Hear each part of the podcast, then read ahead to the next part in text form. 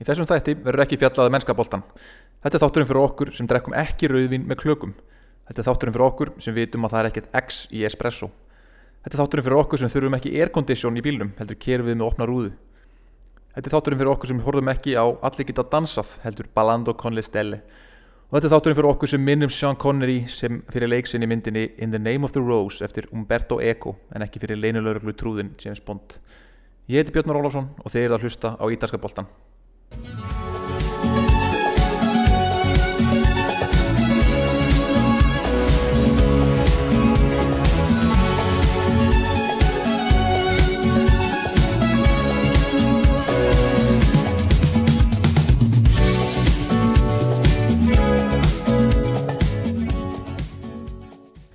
Komið sæl og verið velkomin í þennan fymta þátt Ídarska boltans og þessi þáttur er sem fyrir í bóði Origo, upplýsingatekni Risans Origo. Uh, Þeir sem eru bæði í sömu stuð og ég og eru það reymbast í fjárvinu, þið fáðu þetta allt fyrir fjárvinuna hjá Origo en líka þið sem eru að horfa á fótbolta því að þessar myndir þegar er erfitt að hittast og horfa á fótbolta þá er þetta mjög sniðut að vera með fjárfundabúnað, geta spjalla við vinina á meðan leikunum stendur. Mæli sérstaklega með því núna þegar eh, landsleikurinn er á fymtudaginn að vera með vinina í fjárfundabúnaðinum vera að spjalla við og geta rætt leikin á meðan hann er í gangi Svo er þetta líka hægt að kaupa alls konar spjaltölur sem er nöðsynlegt þegar dildirna fyrir aftur á stað og maður þarf að vera með nokkra leiki í gangi í einu. Þannig að maður er fleiri skjáði heldur en bara einn. Þannig ég þakka Órika og Kjalla fyrir að vera með mér í þessu.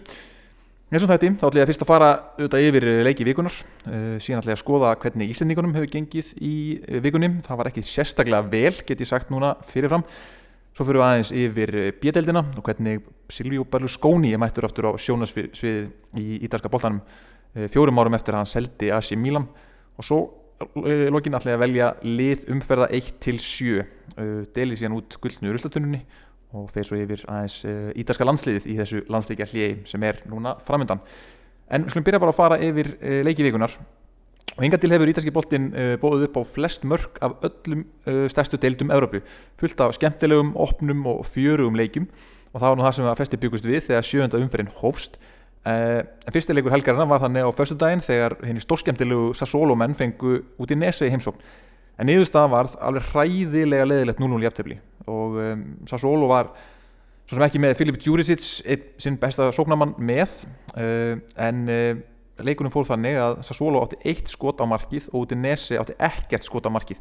Og reynar átti Udinese ekki einu skot tilraun í öllum leikum uh, bæði lið með hræðilega uh, sóknarlínu í þessum leik. Uh, Francesco Caputo framherri Sassuolo sem nýlega, hefur nýlega verið valin í ítalska landslið hann sást ekki þannig að hún var skipt út af á 70.000 mínútu. Og þetta var gríðarlega slaft hjá Sassolo sem eru í öðru sæti í dildinni hafa verið svona spútniklið þessara fyrstu umferða og uh, ég hafði kannski gert sér upp vonir um að geta barist um Evrópusæti með stóru liðunum stóru röndóttur liðunum í norðuri en þá verða þeir að gera betur á heimavelli á móti eins slöku liði og út í nesa er því að þetta var, var gjörsanlega ræðilegt uh, hjá báðum liðum og leikur sem að uh, ég held að ef einhverju horðánarleik þá hafa þeir sennilega þegar glemt honum Hann var á fyrstdægin þessi leikur og á laugadaginn tók svo Cagliari á móti Sampdoria og hann þar góðan 2-0 sigur á heimavelli. Leikurinn var talsveit jafn til að byrja með. Þetta er svona tvö lið sem hafa, eh, hefur gengið allt í lagi svona upp að tímabils. Cagliari menn voru þétti fyrir og sóttur hratt eh, en svo þegar Sampdoria misti mannavelli með rautspjald í fyrirháleik þá eh, og gáði síðan víti í setniháleik þá var verkefnið allt og verið fyrir hérna bláklætu frá Genoa. Það var brasilíumadurinn Joao Pedro sem skoraði fyrir Cagliari úr vítinu og eh, svo var það Uruguayin Nandes sem hefur leikið frábælega á þessari leiktíð um, er að spila einhvers svona kantstöðu en er samt kannski meira runni miðjumæður minnir svolítið svona á Nainggolan vinnusamur, samt líka gríðarlega góður í fókbalta. Það var hann sem setti annað markið fyrir Cagliari sem að unnu þannig sterkar sigur á, á Sampdoria sem hafa verið virkilega öflugir á, á síðustu vikum. Á lögutæðin fóð síðan fram uh, áhugaverður nýliðarslagur þar sem að Pippo Inzaghi og hans menni Benevento fengu lærisveina Vincenzo Italiano í heimsókn í, í Spezia Benevento Spezia, tjóðlið sem að komi upp úr bjettildinni í fyrra eh, þannig áttu þetta að koma í ljós hvaða nýliðar það eru sem ætla að halda sér upp í dildinni hvaða nýliðar það eru sem að eru með sterkara hópin eh, það var auðvitað Benevento, eh, liðans Inzaghi sem að rústaði bjettildinni í fyrra. Þeir rúluðu yfir alla anstæðinga og voru hérna, settu nýtt stegamett og þeir kiftu síðan stærri bita fyrir, fyrir tímabili núna þannig að flesti byggust við að þeir eru kannski sterkara liði á meðan Spezia komst upp í aðeldina gegnum mjög erfitt umspill og hafa þurft að vera, hafa verið að kaupa mjög ódýra leikmenn. En að lókum þá var að Spezia sem að vann að lókum mjög sannfarandi 3-0 út í sigur þeir voru rosalega klinikal og með leikmenn sem að henda fullkomlega inn í þetta leikkerfi sem að uh, Vincenzo Italiano er orðin svo þekktur fyrir.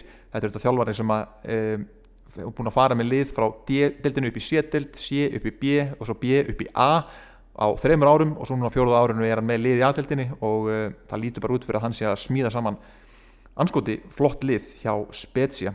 Uh, hann er komið með framherja sem að spila með undir honum uh, bæði í, í, hjá Spezia í fyrra og líka hjá Trapani í sétildinni fyrir tveimur árum.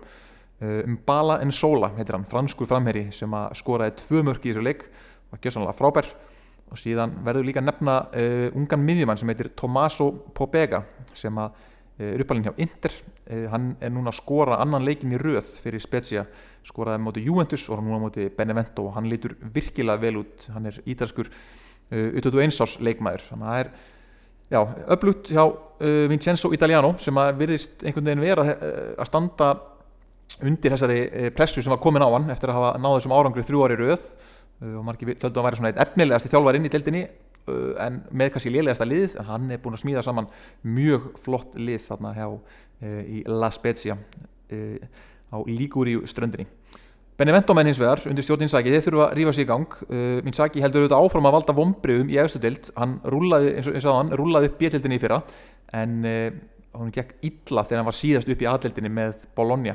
Og uh, svo nú aftur kemst hann upp með Benevento og hefur byrjað mjög illa liðið sem spilar allir lagi sóknarleik en hefur verið að fá á sig allt of mörg mörg og þegar færði á því þrjú mörg frá Spezia á heimavelli þá er það auðvitað ekki nógu gott. Þannig að hann, hann þarf að rífa sig í gang og spurning kannski endanum hvað, hvað stjórn Benevento mun hafa langa þólinmæði fyrir uh, Pippo Inzaghi. Hann kunni þetta vel á aðeildina sem leikmaður en uh, hann kann ekki á hana sem þjálfari svo að lögadags kvöldið var annar að þessum leiðinlegu leikjum sem við höfum ekki vanist að sjá á Ítalju núna í ár þegar Parma fekk Fiorentina í heimsókn. Þetta eru þetta tvö lið sem hafa voru mjög hrættið að tapa bæði lið sem hafa byrjað frekar illa Uh, en þetta 0-0 jæftefli steindauða 0-0 jæftefli reyndist naglin, síðasti naglin í kistu Beppe Iacchini, þjálfari Fiorentina því að hún var sagt upp núna á mánudaginn eftir þetta þetta 0-0 jæftefli við Parma það sem að kórulliði var rauninni líklegt til að skora.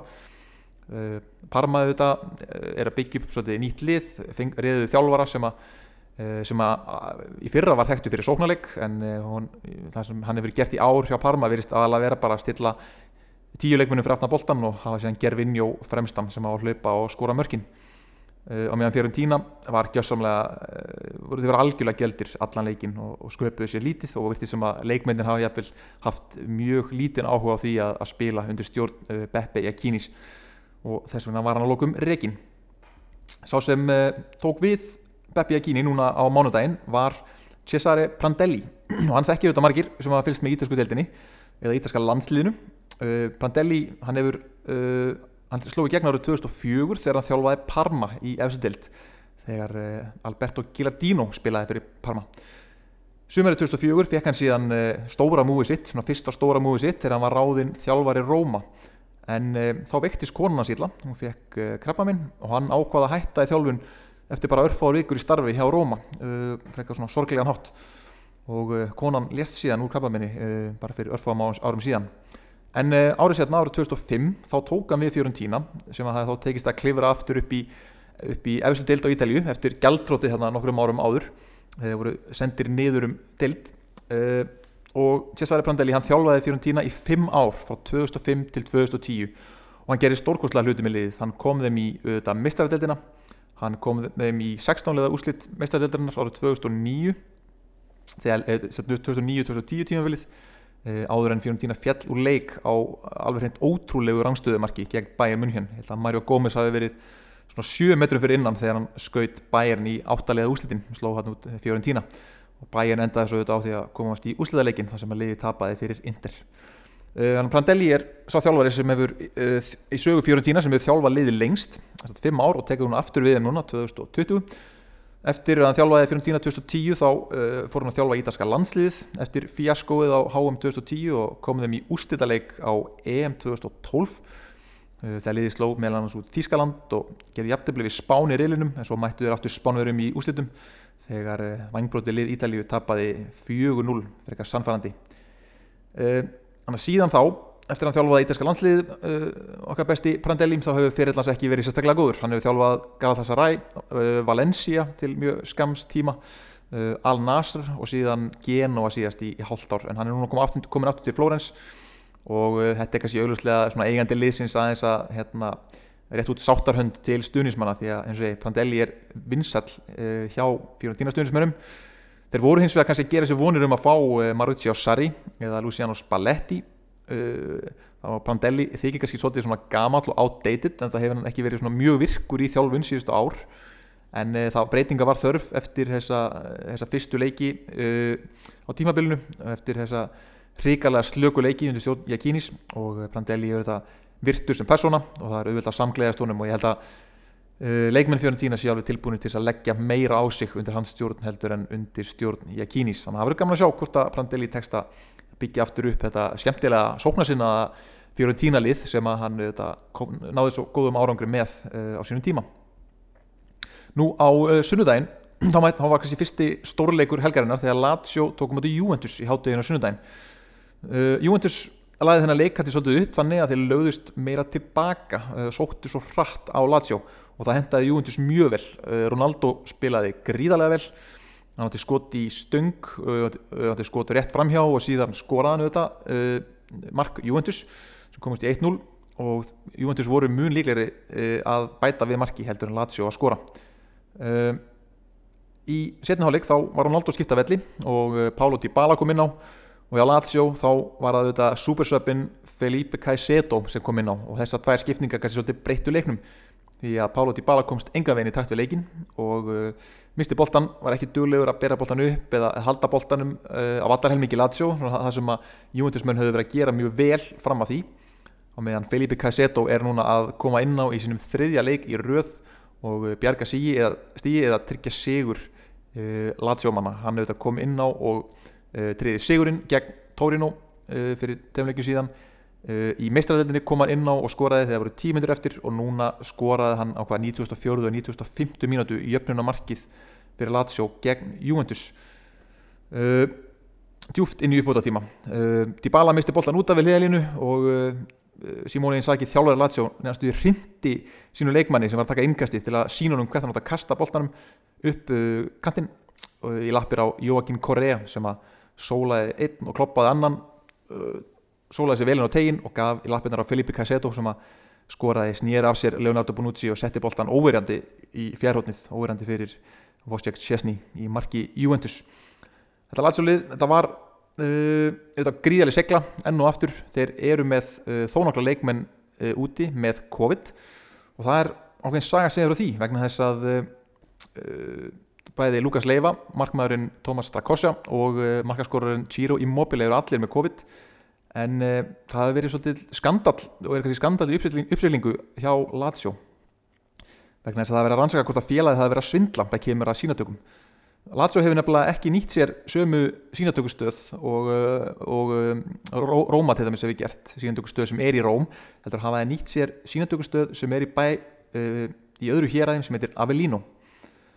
Og uh, þegar leikmenn það eru leikmenn sem hafa verið greindir með COVID í, fyrir leiki í meistardöldinni hafa síðan verið settir í sótkví mæta síðan aftur til Ítalju og fara í próf í Avellino og eh, þau próf sína leikmenn eru ekki með veiruna þannig að eh, stjórnarmenn Lazio hafa haldið því fram að þetta hafa verið svona false positive þegar þeir hafa verið greindir með veiruna. Eins og það hefur komið ljós að þessi sínatökustöð í Avalino er allir drastl og hefur verið að sína vittlust og niðurstöðu trekk í trekk. Þannig að leikmenn Lazio hafa einhverju verið að uh, fá ekki að spila mistaldaleikina því að það eru þau með alvöru próf sem að sína að þeir eru viktir svo mæta þeir heim, það fari eitthvað svindlpróf sem að sínir að þeir eru uh, ekki með veiruna og hafa því að vera að spila fullt af leikjum sem að þeir ættu ekki vera að spila. Þannig spilaði þetta með Giro Immobile á móti Torino eftir að hafa, jafnvel, seg, eftir að hafa greinst með veiruna skömmu áður. Þannig helbíðis yfirvöld á Ítalíu er að kanna málið og, hérna, og hafa komist að því að þessi sínatökustöð í Avellino er algjört drasl. Og hvað gerist á Ítalju þegar eitthvað svona kemur upp eitthvað lið er sakað um að svindla Jú, uh, fórseti liðsins ætlar ekki að setja þegjand og hljóðlaus undir þessari gaggrinni uh, Claudio Lotito, uh, fórseti Lazio hann mætti þetta í viðtal strax um lið og málið kom upp og hann sagði eftirfarandi og þá þótt ótrúið með virðast er þetta hérna bein tilvitnun í viðtali við La Repubblica Hvað þýðir það yfir höfuð að vera jákvæður? Jákvæð niðurstaða þýðir að leikmennir eru smitaðir, er það ekki? Allar konur eru með bakteríur í píkunni sinni. Það þýðir samt ekki að það séu smitberar. Bara í sumum tilvíkum þróast bakteríurnar í síkla og dreifa sér. Þannig að þá veitum við það. Kláttalúi Tito er auðvitað umdeldur, þessi eigandi Lazio, svona freka gamall katt sem að, að árunda líka annað knastmyndufélag á Ítalíu. Hann á líka knastmyndufélagi Salernitana sem spilar í serju B um, og hefur svona allt á hotnum sér. Er fljótur að rjúka upp til handafóta þegar einhver sakar hann um eitthvað þegar, þegar hann ákveði sjálfur að saka einhvern um eitthvað. En leikurinn hlýtur að vera gríðaði vonbreiði fyrir Juventus, sérstaklega eftir að hafa spilað þennan raunni fína leik, áttu skilið að skora fleiri mörg, en uh, Dybala heldur áfram að baka sér óvinnseldir hjá stuðnismönnum Juventus. En því lík segla hjá Lazio og Felipe Caicedo, eins gagsleis og þessi framherri er þegar hann byrja leikina, hann bara trúur í alltaf að hann muni skora þegar hann kemur inn á sem varamæður. Og maður er eiginlega sjálfur farin að trúa því sem áhöröndi hefur leiðan hann kemur inn og hann sé að fara að skora. Og þetta var líka glæsleit mark þegar hann helt Bonucci frá sér og, og e, kláraði vel í fjárhóttið það var svo annar stórleikur á sunnudaginn þegar Atalanta og Inter mættist á Gevis Stadio í e, Bergamo. Þessi leikur var miklu meira fjörugur heldur en hinnir e, leikir helgarinnar og kannski halv ótrúlegt að hann hafi rauninu bara endað 1-1 en það var Lautaro Martínez sem kom Inter yfir með laglegum skalla í setnháleik áður en Alexei Miranchuk nýr miðjumæður Atalanta sem kom frá Lokomotiv Moskvu í sumar. Hann jafnaði eftir að hann kom inn á. Eins og sæði var leikurinn frekar opinn og uh, liðin voru ekkert að verjast uh, sérstaklega vel kannski en það voru bara vandraði, þess að bæði lið eru miklu vandraði með sóknarleiki sinn. Uh, Lukaku er enþá átt hann að konti startaði með Lautaro Martínez og Alexis Sanchez saman frammi og það var svona ekkert að virka sérstaklega vel voru ekki að klára þau færi sem þeir fengu Uh, hann er ekki alveg búin að finna hann konti uh, backup strækjari sinn fyrir Lukaku. Hann vildi auðvitað fá annan framherja í sumar. Það var mikið talað um uh, Oliver Giroud eða, eða Gervinho hjá Parma var orðaði líka við Inter. En hann fekk ekki annan framherja og þess vegna hefur hann verið að rótera og prófa að spila með Lautaro Martínez og Perisic. Byrjuði saman á móti Real Madrid. Hann prófaði Lautaro Martínez og, og Sanchez í þessum leik. En þetta er ekki alveg að virka og kannski svolítið skrítið þá að hann tristi heldur ekki unga stráknum sem var með á bekknum uh, Andrea Pinamonti sem er ungur auðvitað uh, og einsars landsleismæður uh, stór og sterkur, flott að skrokk og fítni fókbalta uh, og svona líkis kannski frekar Lukaku heldur en aðrir leikmenn liðsins en uh, hann kannski skrítið að hann hafi ekki fengið tækifæri. Uh, en já, eitt eitt kannski sangjut niðurstaða í, í svona já, opnari leik heldur við höfum fengið að venjast um þessa helgi Síðan á sunnundaginn fekk Genoa Róma í heimsókn og þeim leiklaug með 3-1 sér í Róma á útivelli þar sem að Henrik Mkhitaryan skoraði þrennu og var gjössamlega óstöðvandi. Róma var án Edin Dzeko sem er komin með COVID-19, hann er að það var spænski framherrin Borja Majoral sem að byrjaði í fremstu línu hjá Róma og það var mikil pressa á honum en það stóri skóra fylla hjá Edin Dzeko þegar kemur að markaskorun en hann þurfti raunin ekki að gera neitt því að það var Henrik Mkhitaryan sem að sá um þetta allt saman. Hann bjóti færi skoraði mörki í þessu leik og uh, fekk frábærar engunur hjá frá ítalsku blöðunum daginn eftir. Og það er gaman fyrir Mikki Tarjan uh, skorað þrennu sem hann tilengaði að sjálfsögðu sínu heimafólki í Armeníu. Uh, hans heimafólku þetta búið að vera í vopnuðum átökum við Asera í barátunum Nagorno-Karabakh. Þeir eru barátu farin og örglega að ljúka og vonandi að ljúka með að við fréttir dagsins. En Rómera voru flottir í þessu leik. Þeir brotnuðu ekki þegar Genoa venni jöfnuðu svona gegn gangi leiksins. Eh, Chris Smalling eh, þetta komin í eh, vatnalínu Róma og það leikur að honum reynslan á samanskapið þá eru Mkhitaryan og Petro sem kom frá Chelsea í sumar líka búin að eiga frábæra innkomu inn í þetta Rómalið og það verið svona að koma með smá struktúr á liðið og vita hvernig er best að, að stilla upp bæði í sóknar og varnarleiknum. Síðan var ennið 0-0 leikurinn á sunnundaginn þegar Torino fekk nýliða Crotone í heimsókn.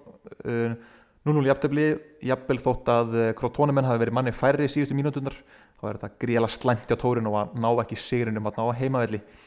Tórinu er í 17. seti núna rétt fyrir ofan fallseti halda sér þar á markatölu. En uh, Crotone, þeir eru á botnunum með tvö stygg eftir sjö leiki. Svo mætti Íslandingarliðið Bologna Napoli uh, um kvöldmátaleitið á sunnudaginn. En okkar maður Andri Fannar Baldursson kom ekki við sögu í þessum leik. Leikurinn fór 0-1 fyrir Napoli og það var nýgriski framherrin Viktor Ossimen sem skoraði eina mark leiksins á 2003. mínútu. Kalidou Koulibaly bætti við öðru marki í setnáleik en var dæmdi það mark svo sem réttilega af. Bologna menn börðust hann þegarlega og þeir fengu sín færi en komist ekki nær og það var kannski helst þeirra bara átt að við rángstöðuflaggið sem var þeim að falli. Voru gríðala ofta rángstæðir og uh, það mætti kannski bara samanskapir hósa varnalínu Napoli. Napoli verður þetta með frábæra varnalínu sem er búin að smetla núna í ár Man, Manolas Kostas Manolas og Kalidou Koulibaly myndaði þetta gríðala stert miðvarapar þeir voru svolítið mittir til skiptis í fyrra þannig þeir náðu svona ekki að drilla sér saman. En núna eru þeir fannir að spila tveir saman alla leiki og með síðan Lorenzo de Silvestri í hæri og það var Hysai, Albanin Uh, Getheki sem að spilaði vinstir bakverðunum og þeir eru búin að vera frábærir þessi, frábærir þessi varnalína í uh, fyrstu sjö leikim tímabilsins. Og Napoli er núna í þriðasæti uh, með 14 stig eftir sjö leiki. Þeir eru í þriðasæti með 14 stig eftir að hafa bæði sko, verið dæmdur 3-0 dæmt 3-0 tap og mist eitt stig út af þessu, þessu fíaskói í Juventusleiknum um daginn. Og, og Róma er senni fjórðasæti og þeir eru líka með 14 stig Eh, og þeir hafa líka mist, þrjú, mist sagt, eh, verið dæmt 3-0 tap út af þeirra fjaskói gegn Verona eh, fyrir nokkrum vikum síðan. Á sunnundaskvöldið var svo komið að fjörugum leik aftur. Það var leikur AC Milan og Hellas Verona. Það var Hellas Verona sem heimsóttu Milan menn á San Siro í Milano. AC Milan hó leikin að miklum krafti og stjórnaði leiknum en uh, það breytti því ekki eftir 20 minna leik var staðan orðin 2-0 fyrir Verona sem aðeins skorað 2 mörg eftir först leikadrið Milan minkaði sér munin með eh, sjálfsmarki eh, Varnamanns Verona eh, í fyrirháleik og eftir umlega klukkustundaleik þá heldur flestir að Zlatan væri að fara að jafna. Hann skutt yfir úr vítaspindunni Hellas með Rónamenn vörðust eins og hetjur og markvörðurinn Marco Silvestri átti enn einn stjörnuleikin uh, hann geti komið við sögu eftir þegar við förum yfir lið umferða 1-7 uh, ég veit ekki hversu mörg skot Milan menn áttu, ég heldur átt yfir 10 skot uh, bara á markið og síðan fleiri framhjá Uh, en hann átti frábæran leik og búin að vera frábær í byrjun tímabils. En í uppbóta tíma þá náði Zlatan loksins að skora og er núna komið með 8 mörg í 5 leikum en hann hefur verið svolítið í því að bæði að skora mörg en líka gera svolítið afdryggarík mistök. Bæði varnarmistökin gegn Róma og síðan að klúra þessum vítaspöldum en hann sæði eftir leikinu hann Zlatan að hann myndi ekki taka vítaspöldu næst heldur kæmið það í hlut Frank Kessis uh, miðjumann hjá AC Milan að hann hefur allavega mandóm í sig til að viðkjöna þegar uh, hann gerir mistök og hann er orðin leiður á því og ætlar að láta Frank Kessi taka viti næst. Og staðan í deildinni þegar nú er komið landslíkjalli eftir sjú umfyrir er þá þannig að AC Milan er á topnum með 17 stygg Sassuolo, spútningliðið er í öðru seti með 15 stygg Napoli í þriðja með 14 stygg og Róma í fjóra seti líka með 14 stygg síðan koma Juventus og Atalanta í Evropasætum Inter í sjöunda, Verona í áttunda og Lazio og Sampdoria taka nýjunda og tíunda sæti. Á botninum er það svo Crotone sem eru neðstir og þar fyrir ofan koma út í Nese með fjögustig og svo Genoa með fimmstig. Ísendingarnir á Ídalíu þeir áttu ekkit þennan sérstaklega umferð nemaðu þetta Emil Hallfræsson en hann og félagar hans í Padova er á mikillir siglingu þessa dagana. Emil skoraði fyrra mark Padova í 2-0 sigri á Virtus Verona eitthvað gamalt darbi þarna við gamla uh, borgarfélag hans hjá Virtus Verona. Og Padova er í efstasæti reilunum eftir þetta frábæra vinstirfótaskót hans uh, Emils í leiknum. Og þeir eru eftirsæti reilunum í sétöldinni þremur stigum og undan næsta liði sem er liðið Feralpi Salo.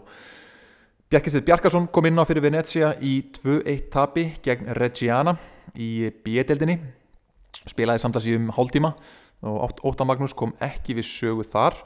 Venecia uh, er núna í áttundasæti sem er playoff sæti í bjöldinni Birkir Bjarnason er farin að æfa með aðaliði Brescia, sangat heimasíðu félagsins en hann var samt sem áður ekki í hóp þegar liðið vann 2-1 sigur á Cosenza á útivelli.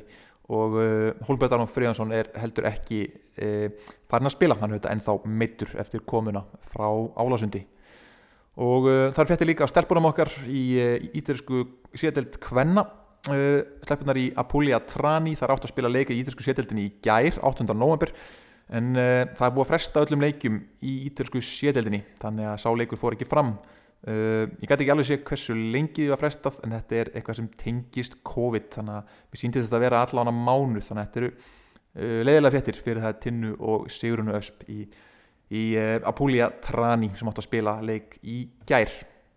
Eins og ég sagði aðan þá er Venezia í áttundasæti í ítalsku bjedeldinni en uh, liðið sem er í sætunum fyrir neðan, níundasæti er liðið Monza. Þetta er nú lið sem er ekki þekkt fyrir fótbolta, þetta er þetta þekkt meira sem uh, heimabæðir Ferrari. Þetta er Formule 1 Ferrari, rauðir, hraðskreiði bílar. En það er þekktur maður sem heitir Silvio Berlusconi sem að kifti félagið það var auðvitað árið 2018 sem að kifti Monza. Þreymur árum eftir að hann seldi AC Milan.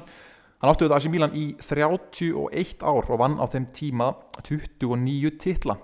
Og fyrir ykkur lustendur þá er ég með reiknum vel og ég er búin að slá þetta inn og þetta gerir næstu því einn titil að meðaltali á ári öll þegar ár sem hann átti AC Milan hann kefti auðvitað AC Milan þegar þeir voru á botninum. Þeir lágu með broti bakk þetta gamla stórveldi. Komum aftur upp í deltina bestu komum aftur upp í toppin á Evrópu. Og og ég vann fullt af titlum og þetta verður líka hlut af þeirri ímynd sem að byggði upp uh, til að ná árangri í stjórnmálum. Þannig að þetta varð uh, fórsættisráþara í nokkuð skipti myndaði ríkistjórnir uh, ríkistjórnir já, myndaði ríkistjórnir og það fjallu líka nokkuð oft. En hann var þetta gríðalegur power player í ítöklu stjórnmálum um landskeið hann seldi félagið eins og segi þreymur árum áður hann kipti Monza hann árið 2015 þá var AC Milan skuldum vafið. En hann er ennþá efnaða maður en hann er ekki eða sérstaklega, miklum pening í þetta monsalið, þetta virðist vera meira svona hobby project uh, bæði fyrir hann og fyrir Adriano Galliani. Og Adriano Galliani hans hundtrygga hægri hund aðstofamaður hans og yfirmar íriðamála hjá AC Milan uh, frá árunum 1984 og þetta virðist einhvern veginn meira að vera svona hobby fyrir Galliani. Sköllótti maðurinn með gula bindið menn þekkja hann alltaf á því. Galliani, hann sagt, var fyrst uh, yfirmar íruttamála hjá heima, í heima bæ sínum, hjá sínu heima liði sem er Monza, hann er satt uppalinn hjá Monza og uh, Berlusconi tók hann frá Monza á sínum tíma 1984 til AC Milan, hann að Galliani er núna komin aftur heim til Monza og er hann að koma þeim upp í aðdeldina. En þú segir, ekki með sérstaklega miklum peningum, þeir eru ekki hendur að gera það, en þeir hafa aðeins verið að kaupa svona gamlar stjörnur uh, í bland við bara reynslu mikla menn með leikmenn með marga leiki úr efstu deilt og sem dæmið var nefna Gabriel Paletta sem einhverju liðbúlstunismenn eflust þekkja. Uh, miðvörðurinn sem er búin að vera við það að missa síðustu hárstráin í svona tíu ár. Uh, en hann er auðvitað, fullt af leikjum með Parma í efstu deilt á Ítalju fór síðan uh, smá ferðalag til hvað, Kína held ég fór svo áðurnið sóttan aftur til Ítalíu til Monza þar sem hann stýri vörninni. Og þeir eru þetta líka með stóra stjórnuleysins eh, Kevin Prince Boateng. Og hann er ekki meira en svona ár síðan hann spilaði fyrir Barcelona en hann er núna komin til Monza sem að hann 2-0 sigur á Frosinone uh, í síðustu viku og er núna eins og ég segi í nýjunda sæti. Og já það hafa verið alls svona samsvæðkenningar um það hvers vegna Berlusconi er með þetta lið. Það hafa verið kenningar um að hann sé að fara aftur í stjórnmál uh, meira heldur hann að gera nú. En uh, já, ég held að með ég er bara að útskýra þannig að þetta er eitthvað einhver gömul romantík hann, uh, hann er með yfirlýst markmið, hann og Galliani um að þeir vilja koma Monsa upp í aðlildina og uh, þeir vilja helst af öllu fá að sjá Monsa mæta AC Milan á San Siro. Monsa er auðvitað sveitafélag rétt fyrir utan Milano sveitafélagi Monsa og svona byggðin í kring telur samtals um miljón íbúa, þannig að þetta er alveg ágættið svæði og ætti að vera svona einhverjir aðrir peningar og fyrirtækjarnir í kring sem að geta stutt í liðið. En hérna, já, þetta er hobby project Gallianis og uh, Berlusconis. Ég sé þetta annað leikmaði sem einhverju getur kannast yfir franska bóltanum sem að spila fyrir Monza er þetta Giuseppe Bellusci sem er gammal varnamæður frá Leeds síðan eru þetta með Mario Sampirisi sem á reynslúr efstu deilt á Ítalíu uh, Christian Gíkjær sem var uh, markaðasti leikmaður uh, norsku deildarinnar fyrir þremur árum síðan með Rosenborg. Uh, sló ekki gegn í Þískalandi hann er komin til Monsa og uh, svo kannski á reynslu mesti leikmæðurinn af þeim öllum er uh, Nikola Rigoni sem á marga marga leiki með Kiev og Verona í eftirdelt það verður gaman að sjá hvort þetta projekt uh, Berlusconis hefnist eins og að segja Berlusconi uh, hann er með ákveðin prinsip. Þegar hann á knaspiðunlið því á AC Milan sagði hann alltaf að hann vildi ekki leikmenn sem eru með ákveðin sem er með tattoo, vildi ekki leikmenn með eh, svona sérstakam hárstíl og hann vildi svona sé ákveði yfirbráða liðinu. Og hann hefur sagt um þetta Monsalið sitt að hann vilji byggja lið upp á aðala ítölskum leikmönnum ég held hann geta erindur ekki haldið fast í þessa tattoo sannfæringu sína því að ég held bara að sé ekki til sá ítalski kallmaður undir 30 sem er ekki með tattoo. En uh, hann kannski heldur í eitthvað svona íhaldsama uh, íhaldsama pælingar þegar kemur að hálgreinslum hver veit kannski verður Kevin Prince Boateng þvingaður til að vera alltaf snóðaður en auðvitað Belluskóni gefur þessar deilt lit. Og það voru gaman að sjá hvernig fer fyrir þessu mónsaleiði sem gæti alveg tekið upp á því að komast upp úr bjöldinni og þá komum við því að velja lið umferða 1 til 7 og þetta var ansi erfitt. Það eru þetta ákveðið mikið ákveðin, ákveðin spútniklið þarna eins og Sassuolo sem hafa verið að spila svona, svolítið yfir getu. Uh, bæði Napoli, Roma AC Milan og uh, já, Sassuolo.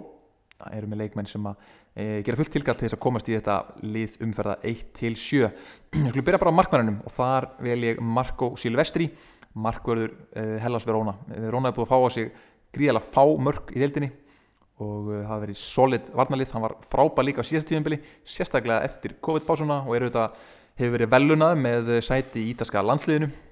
Frábæð markmaður, hann er auðvitað 91 módel, þetta er ekkert unglamb lengur og hann á fortíð þetta í Leeds United eins og einhverjir vita sem að fylgjast með ennskapoltanum en uh, verið frábær það sem aðveið tímabils hjá uh, Hellas Verona gerir engin mistök og uh, frábær shotstopper og svona hæfilega góður í löpunum í vinstri vangbækveri þá ætlum ég að hafa Theo Hernández Theo Hernández auðvitað frábæra sértíðanbili einn markahæstu leikmanna AC Milan uh, skapar svakalega ógn því hann er með svo mikið hraða sem að enginn ræði við uh, og það hefur hann líka nýtt sér á þessu tímabili ótrúlega vopn sem að AC Milan menn eru komin með hérna í uh, vinstri vangbakarinnum í miðverunum þá erum við þrjá miðveri og fyrsti miðverun er Danilo, leikmaður Juventus.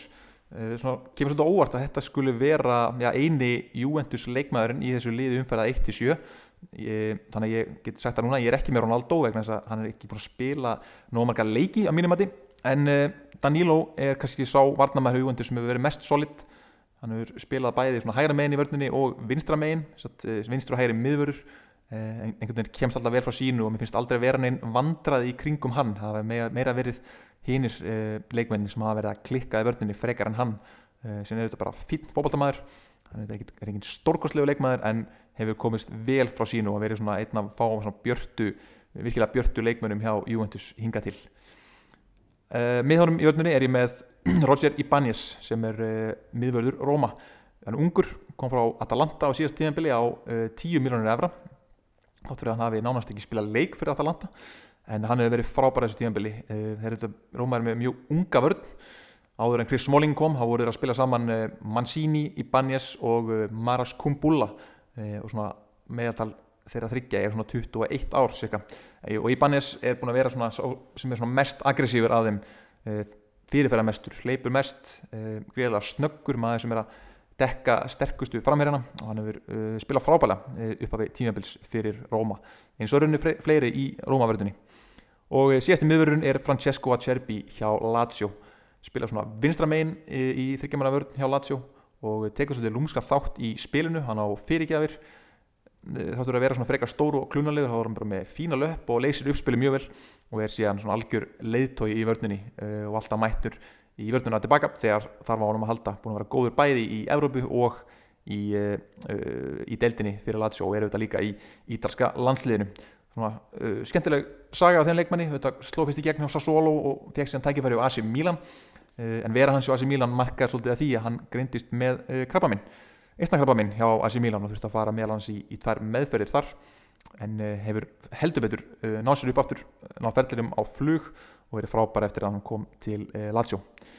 Í hægri vangbækverðinum þar ætlaði að vera með svolítið sóknarsinnaðar leikmann sem ég gæti ekki tróðin í liðið öðruvísi og það er Domenico Berardi, leikmaður Sassuolo sem er búin að vera svona hægri kanturinn með Sassuolo, búin að vera eitt kannski hættilegust leikmaður deildarinnar þar sem að vera tímabils frábæra vinstrifót og það er það búið að spyrja þessar spurningar í mörg ár. Hvenar fer hann í stórlið, hvenar fer hann frá Sassolo hann er á stór fyrir þetta lið. Uh, hann var 19 ára þegar hann skoraði þrennu á San Siro og var held ég bara yngsti leikmaðurinn og sögunum til að gera það. En samt hefur ekkert lið tekið hann og uh, hann kannski kann bet, betur við sig sem þessi svona héraskongur kongur í litlu liði sem að hjálpa Sassolo í þessum geggjaða sóknarleik. Og uh, það eru fleiri leikmenn Sassolo í þessu liði. Það er líka á miðjunni Locatelli miðjumæðurinn sem var líka fortið í AC Milan og hann er búin að vera algjörlega instrumental í þessari, e, þessari Sassuolo miðju. Leikmaður sem að leysir allt spilið með bara fáum snertingum eh, hrikalega góður á boltan og e, bara leikmaður sem ég held að geti tekið skrefið upp í röndótt lið á næstunni. Og menn er að spá því að hann muni geti jafnvel enda í Juventus. Hann sé svona leikmaður sem hendi gríðarlega verið leikjær við Pirlos. Og hann var orðað við Juventus núni í sumar en það var ekkit úr því. En ef hann heldur áfram að spila eins og hann gerir núna þá held ég að hann verði næsta stóra sölu vara um, Sassuolo. Með honum á miðunni er Frank Kessi leikumar Asi Milan. Búin að vera frábær, algjör díselvél upplugur uh, bæði í sókn og vörn uh, hleypur út um allt algjör veggur, stöðvar sóknir og byrjaðar uh, og klára sóknina líka hann líka með góðan fót. Og er núna orðið vítaskita, fyrst að Slatan er nenni ekki taka vítinleikur uh, frábær leikmaður Frank Kessi hann er á miðunni með Locatelli. Fremstan á miðunni er ég síðan með Filip Djuricic fyrir um liðsfélagi Alfreðs Finnbóðssonar hjá Herinvenn þessi sermneski eh, sónarsinnaði miðumæður er búin að vera gjössanlega frábær hjá Sassolo líka. Ég er með þrjá Sassolo menn hérna í liðinu en hérna þeir sem hafa hort á þessa góðu leiki Sassolo sigurinn til dæmis á Napoli uh, og fleiri þeir uh, vita hversu upplutt þetta Sassolo-lið er á góðum degi og uh, Djuricic er frábær, hann uh, spilaði þetta alveg framála miðunni en það er ungur ítalsku leikmaður sem heitir Raspadori, því frábæra nafni sem er fann að spila þar hjá Sassolo þannig að Djuricic hefur verið að færa sér svolítið út á vinstri vangin og hann leysir það nákvæmlega jafnvel og hann leysir að spila í hólunni. Búin að vera gjössanlega geggjar í upphafi tímabils. Upp á topp er síðan eru tveir leikmenn, fyrst er það Henrik Mkhitaryan sem er búin að vera besti sóknarleikmaður Róma. Uh, hann hefur virkilega uh, eh, náttúrulega strikk í þessum, þessum fyrstu sjöleikjum hjá Róma. Er rauninni bæða hann og Petro en uh, mikið tarið hann með þessa þrennu í síðasta leik hann gulltryggir veru sína upp á topp í liðinu hjá Róma frekar en Petro sem er líka búin að vera góður. Og með honum upp á topp er að sjálfsögðu Slatan einsmanns herin Slatan hann er búin að skora 8 mörg í 5 leikjum og er markahæstur í serju A. Svo um munar, þetta sé langt á undan næsta.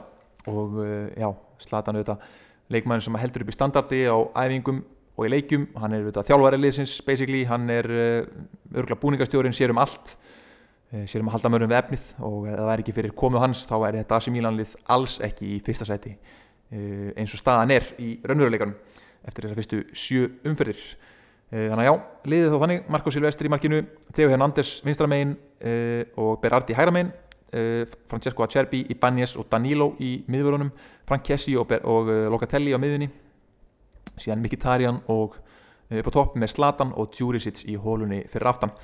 Svo erum okkur leikmið sem að fá honorable mention, bara nefna á nokkur hatt, það er Markur Sassuolo, Consigli, það er ungur átjónara miðvörur hjá Verona sem heitir Lovato, sem er það líka, og annar leikmaður Verona sem heitir Mattia Saccani sem múin að vera frábæra á miðunni.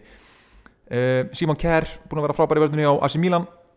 Pellegrini, miðjumæður hjá Róma Soriano, miðjumæður hjá uh, Bologna, líka búin að vera frábær. Hann kom með þetta í fimmörk í þessum fyrstu leikjum hjá Bologna, búin að vera gjössanlega frábær.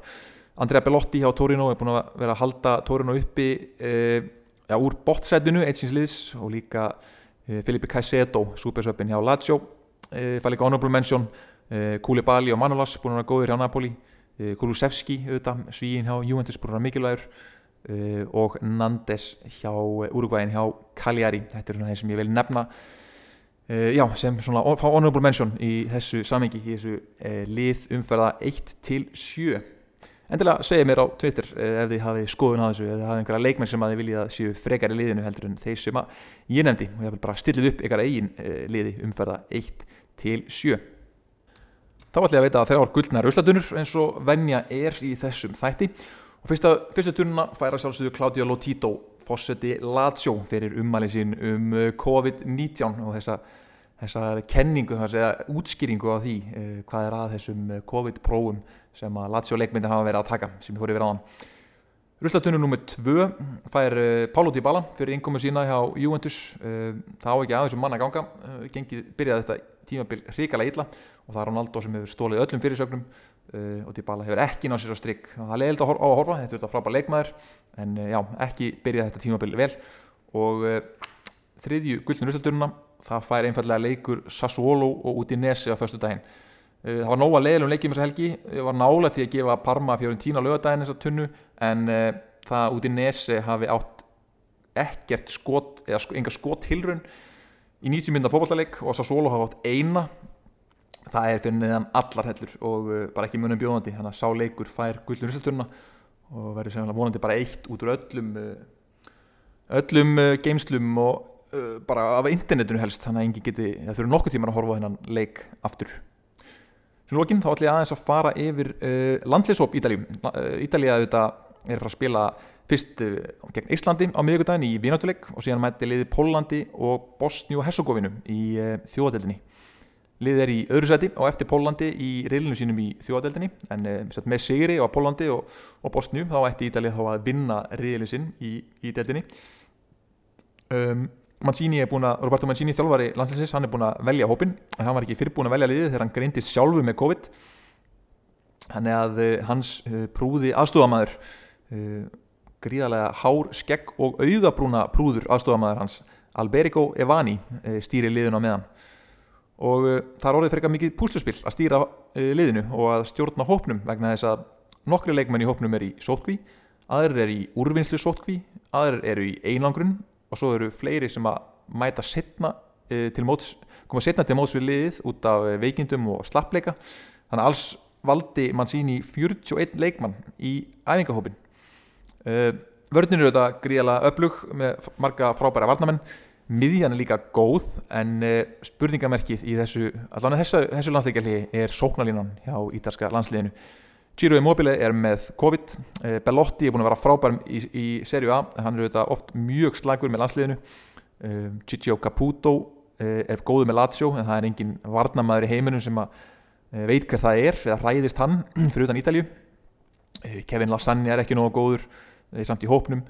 Pietro Pellegri er í hópnum. Hann hefur spilað samtals 11 deltaleiki á síðustu þremur árum og skorað eitt mark fyrir Monaco en uh, já, hann hefði ná að púsla saman einhverju sóknarleik sem megasens þá eiga þeir auðvitað bara góðan séns að vinna hennan riðil í þjóðadeldinni sem er hansi stert því þeir eru auðvitað riðili með pólverjum, hollendingum og, og básnýjumönnum og bara vonandi að þeir mæti til leiks og klári þessa tvo leiki og klári riðilin með stæl Ítali er auðvitað búið að tryggja sinn á EM á næsta ári.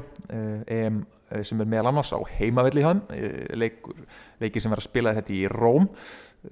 Og á EM allstaðar næsta ári eru þeir í riðli með Tyrklandi, Sviss og Wales. Þannig að þeir eru til alls líklegir með að við velgengni ítalska landsleisins undanfærin misseri undir stjórn Roberto Mancinis. Þannig að við segjum bara áfram Ítalja í komandi vikum. Og ég þakka líka bara fyrir mig þið bara hafið samband ef að þið viljið að sé fjallað um eitthvað sérstatt í þessum þáttum eða hafið einhver komment annarkvæmt bara gegnum Twitter eða Facebook. Annars bara heyristu aftur þegar deildin er aftur, afturfannar stað á Ítalju ég heiti Björn Már Ólásson og þeir voru að hlusta á Ítalska bóltan Tjá að túti, verið sæl